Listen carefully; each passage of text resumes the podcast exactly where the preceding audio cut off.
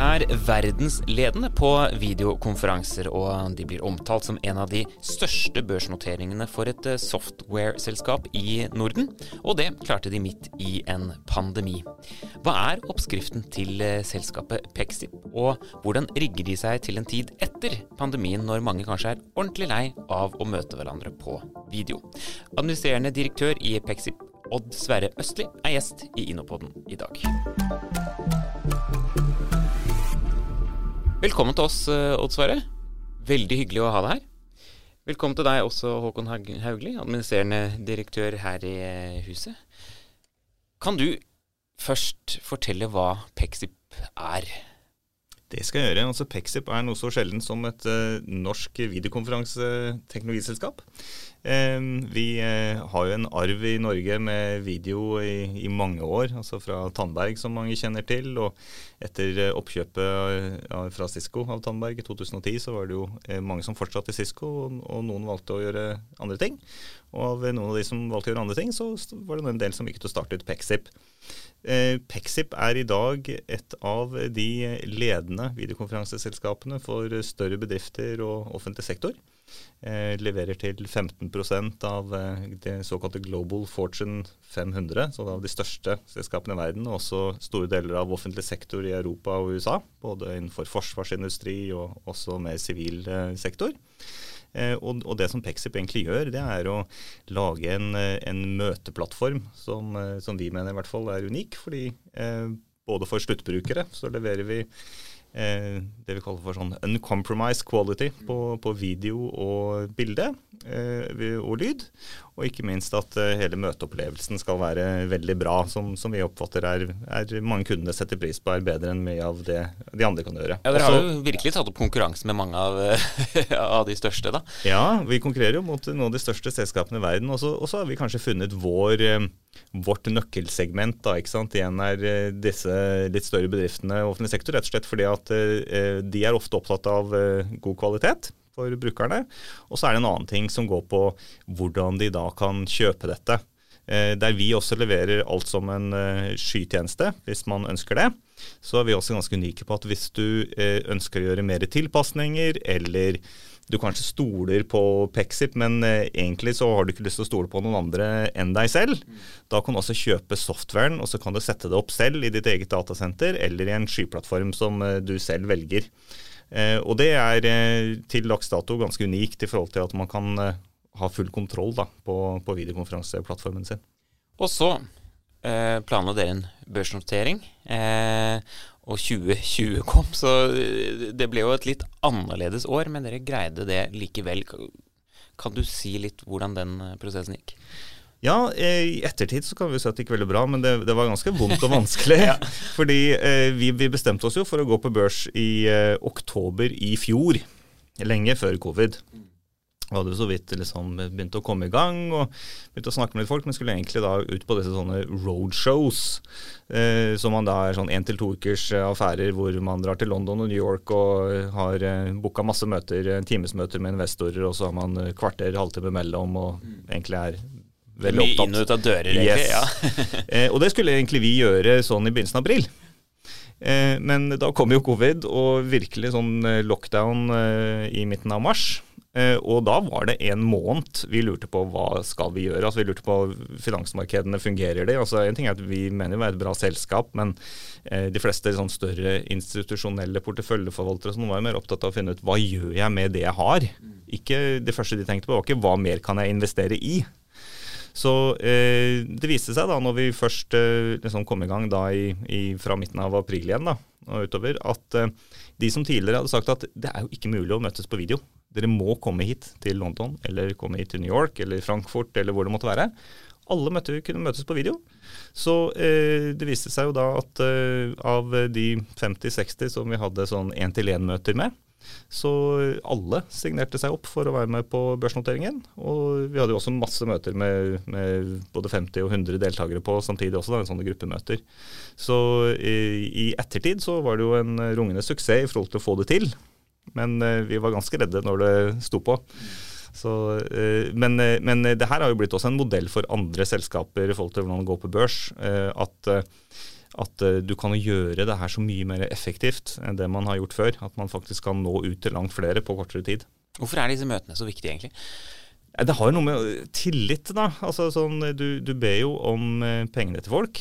Og det å se ledelsen i øya og håper å si mer enn bare har man en god historie, men virker som de som forteller denne historien kan stoles på, det er en viktig del av det. Og det så vi jo at det oppnår du jo ved å møtes si, som, som, man gjorde i fysisk før. Samtidig så får du det til i ganske stor grad på video også. Og kanskje mange i Norge nå har opplevd det at eh, du kan fint gjøre masse rekruttering på video. Altså Vi gjør jo det nå. Vi har jo rekruttert 200 mennesker de siste ni månedene. Eh, for oss er det naturlig å gjøre det på video, vi må gjøre det på video. Men, men jeg tror det er mange av disse sånne la oss bli litt kjent med andre, eh, kan fungere veldig bra på, på video. Og så må vi treffes igjen. Altså. Vi, man, må ha, man, må ha, middager, man må ha sosiale settinger, man må gjøre kreative problemløsninger og sånt. Eh, da må man være fysisk sammen. Hva er det som gjorde at dere ikke utsatte, ga opp dette børsprosjektet? Altså det, det skulle gjennomføres. Hva i deres forretningskultur er det som er årsaken til det, tror du? Um, nei, Jeg tror egentlig det var uh, rett og slett utgangspunktet vårt for å ønske å gå på børs. Det var jo det at vi, vi, gjorde det veldig bra. Vi hadde et 2019 hvor vi vokste med godt over 30% og hadde omtrent 25% EBITDA, som det heter. Så vi både vokste veldig bra og var veldig lønnsomme. Eh, og så så vi lenge før covid at her kan vi gjøre mye mer hvis vi kjører på litt mer. Så liksom, Ikke det at vi trenger å bli helt amerikanske Silicon Valley-selskap og, og, og, gasse på liksom eh, altfor fort, men samtidig skal vi ikke være for forsiktige skandinaver heller. Så la oss nå kjøre på litt. Og Det var jo hele forutsetningen, at vi ønska å få inn litt penger for å kunne sette på enda mer fart. Og, det, og det, den logikken gjaldt jo i høyeste grad også når covid kom. Så da var det egentlig mer gjennomføringen, at, at faktisk er det noen som vil snakke med oss og har penger eh, tilgjengelig. Eh, og når det viste seg at det stemte, så, så, var det egentlig bare å kjøre på. Håkon, du har jo vært hos eh, Pexip og besøkt dem eh, og, og, fått høre mye om egentlig deres reise, ikke bare inn på børs, men, men ut i verden, nær sagt. Hva, hva kan andre selskaper lære av det de har gjort? Så Det er så stas med Pexip, um, av mange grunner. Vi jo, har jo sett et bilde da, av alle statslederne i EU som har sitt møte på en uh, norsk teknologiplattform. Det er jo helt fantastisk, og hele reisen er, uh, er uh, virkelig grunn til å gratulere med og, og, feire. Men det er også veldig mye å lære av Pexips historie, og det var grunnen til at vi var på besøk. Vi, vi Eh, er jo opptatt av at vi skal utvikle gode økosystemer for, eh, for skalering av selskaper eh, fra Norge. Og det er noen ting som er verdt å merke seg da, ved Pexip. Det ene er jo det helt åpenbare et fantastisk godt produkt. og Det må ligge i bånn en kultur for å utvikle noe som virkelig er best. Dette er beintøff internasjonal konkurranse. Det går ikke an å kompromisse på det. Nummer to, uh, man bygger videre på noe som har vært der før. og Det å ha gode sånn, Det har vært Tandberg og Cisco, og det er, en, er, investert i kompetanse gjennom veldig lang tid, og så gir det knoppskyting. og Det er uh, viktig å huske på det. Når vi snakker om Video Valley, da, så er det ett av noen få eksempler i Norge på at man har greid å få til um, uh, grupper av bedrifter som jobber med relaterte ting. Et annet eksempel er chip-industrien i Trondheim bare som det. Så det er det. Og så tror jeg en, en, tredje og viktig erkjennelse når vi tenker næringsutvikling, er at noen bedrifter de er født globale. Altså De utvikler ikke en butikk i Norge for så å begynne med det vi kaller eksport da, eller internasjonalisering. Det er, Man er del av én og samme globale markedsarena. Kundene er i hele verden. Og dette er kjempeviktig når vi skal tenke hvordan skal virkemidler da være eh, tilpasset en ny verden.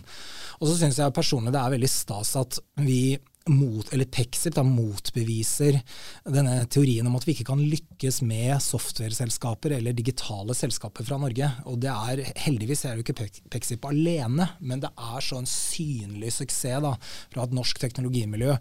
Og det er kjempeviktig for oss også å ha den selvtilliten at det kan faktisk gå, og det gjør det. det er det den derre sånn, mellomlinjen som uh, han er inne på her, og ikke være helt Silicon Valley, men ta med seg ja, litt av Veldig interessant, for altså, ja. jeg reflekterte litt også at det er jo dette med sikkerhet sikkerhet og personvern. Det er noe veldig europeisk og kanskje norsk i det også, som er innebygget i Pexips løsning, som gjør at den skiller seg fra de, noen av de store globale tilbudene, fordi det er, har det utgangspunktet det har. Og Det syns jeg også er veldig spennende, og også nysgjerrig litt på kulturen internt. fordi dette, Pexip er jo en internasjonal bedrift, rekrutterer internasjonalt, men hvor mye av liksom, norsk arbeidskultur og verdier er det som gjennomsyrer bedriftene, og er det et konkurransefortrinn? Og det tror jo jeg da, at det kan være.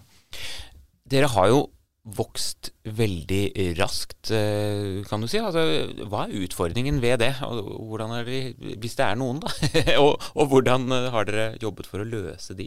Nei, jeg tror eh, det er, det er, et veldig godt spørsmål. Og jeg tror for oss vokse handler om å vokse med mennesker. Det er jo det vi investerer i. Det er jo ikke noen maskiner vi har, det er, det er mennesker. Og det er tilbake igjen til det Håkon snakker om, da egentlig med, med kultur, som kanskje er det ikke så vanskelig, men vi syns det i hvert fall er det viktigste som vi må holde fast på når, når vi vokser. Og det vi har vært opptatt av med, med vår kultur vi, vi, er jo ikke religiøse på den måten, men vi kaller det The Pexib Way, så det er jo litt sånn kultaktig. Men, men, vi har i hvert fall kodifisert det som det, og det, det, handler egentlig om hvordan vi ønsker å være mot hverandre og mot våre kunder og partnere. Og det, er, det har med seg mye av, skal vi kalle det, norsk eh, Eh, arbeidskultur i forhold til eh, litt mangel på hierarki, eh, en, en, respekt for kunnskap mer enn alder og posisjon. alle skal kunne vise initiativ, alle skal kunne komme med ideer. Samtidig så er det blandet med en også ganske sterk skal vi kalle det sånn amerikansk prestasjonskultur, hvor vi stiller høye krav til oss selv og til hverandre og, og er ærlige på, på, det. Da, og også det at eh, det kan godt tenkes man, man eh, må gjøre noe annet enn å være i Pexip hvis, eh, hvis man ikke å si, klarer å levere på, på, det vi skal gjøre.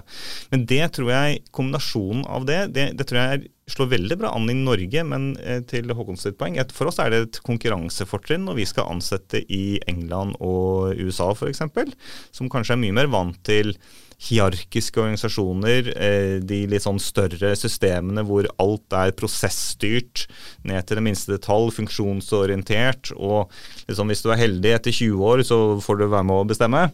Eh, så, så tror jeg veldig mange av de setter pris på, en, eh, på den kulturen vi har, hvor de opplever mye større grad av ansvar og frihet. da. Du var inne på det i stad, Håkon, med liksom det at Pexip har lykkes nå som et software-selskap som er norsk. Det er kanskje litt sånn eh, avvikende fra normalen. Men hvordan kan vi hjelpe de da, sånn at det blir enda flere som opplever dette?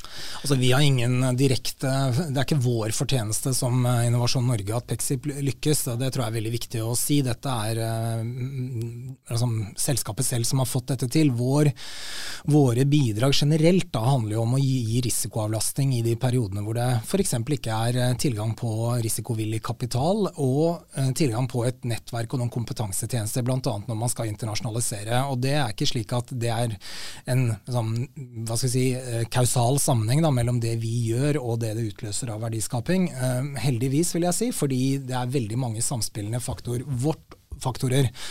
Vårt oppdrag er jo å bidra gjennom på en måte store og små grep til at selskaper som Pexip kan lykkes. Og Det er, handler både om å gi råd til myndighetene om hva som skal til, men også om de virkemidlene vi disponerer. og Det er alt fra direkte én-til-én til bedriftene, lån, tilskudd, men også mye å bidra til at det utvikler seg næringsklynger hvor det Eh, er kompetansemiljøer som finner hverandre, og jobber på, på det vi kan kalle kundesiden, da, gjennom både legge til rette for eksport, eh, internasjonalisering, men også gjennom det offentlige som innkjøper. Så er en sum vifte av ting. Og jeg tror nå er Pexi på et sted hvor vi ikke lenger er en, en, naturlig samarbeidspartner for selskapet. Men det jeg tror vi skal bli gode på, det er å vise frem at dette går i Norge. For det er viktig for at andre skal gå etter. Og heldigvis Pepsi, Pexi ikke alene, da, det er bare å gjenta det poenget.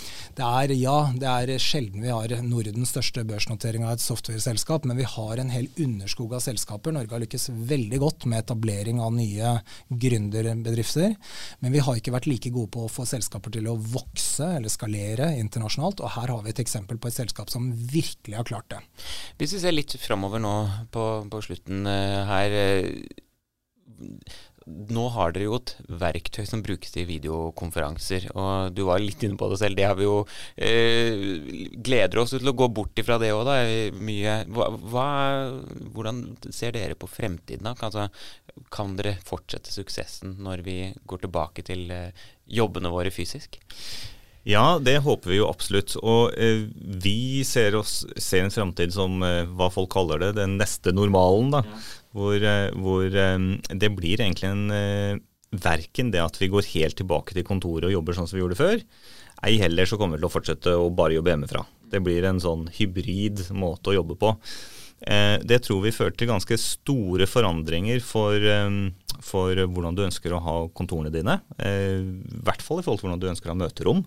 Fordi det vi tror er at når du er på kontoret, så må vi legge til rette for at det er for å samhandle. Det er for å være kreative sammen. Det er, det er, det er for å gjøre ting mye mer sammen istedenfor å sitte og jobbe hver for seg. Uh, og det vil si at egentlig hvert kontor, uh, møterom må ha noe videoutstyr. Fordi hvert møte kommer til å bli et videomøte. Fordi du kan tenkes å ønske å ha med noen som ikke er på kontoret den dagen. Og eh, det vil egentlig gjøre at uh, du må binde sammen alt fra det vi kan, sånn litt uh, populistisk sagt, alt fra nettleseren til styrerommet må binde sammen, og også internt og eksternt. Og Det er noe som Pexip er i veldig stor uh, grad i stand til å hjelpe til å løse, fordi vi er veldig flinke på sånn PC-til-PC-basert kommunikasjon. Og så er vi virkelig fantastiske hvis du kombinerer det med forskjellige møteroms videoteknologi. Og det er en verden som, som vi egentlig ser fram imot for, sånn, for oss selv også. Vi, vi, vi, ånder og lever jo for å møte hverandre og gjøre ting, om det er kreativt eller om det er eh, globale samlinger hvor vi feirer oss selv og, og lærer nye ting. Og det, og det, tror vi gjelder egentlig alle mennesker. Vi er sosiale, vi trenger å møtes. Men så er det sånn at i den nye normalen så tror jeg vi, hvis vi kan kombinere det at vi faktisk møtes, men vi har nå en mulighet til å gjøre noe bra for jorda, vi trenger å bli grønnere. Så disse dagsturene våre til eh, sånn Oslo-Bergen eller eh, Oslo-Frankfurt og sånt, det må vi nesten, om ikke stoppe med, i hvert fall være mye mer kritiske til. Men skal vi faktisk liksom overnatte og ha middag med noen, altså at vi virkelig skal bli kjent med noen på en annen måte enn kun å dele noen powerpoint-presentasjoner, da er det absolutt verdt å reise. Så, eh, og det, det, tror jeg vil føre til også en mye bedre sånn eh, skal vi kalle det sånn jobbfleksibilitet for folk, altså bedre work-life balance. Og det for arbeidsgiverne så fører det til høyere produktivitet. Så det er egentlig en vinn-vinn, tror jeg, den nye arbeidshverdagen vår.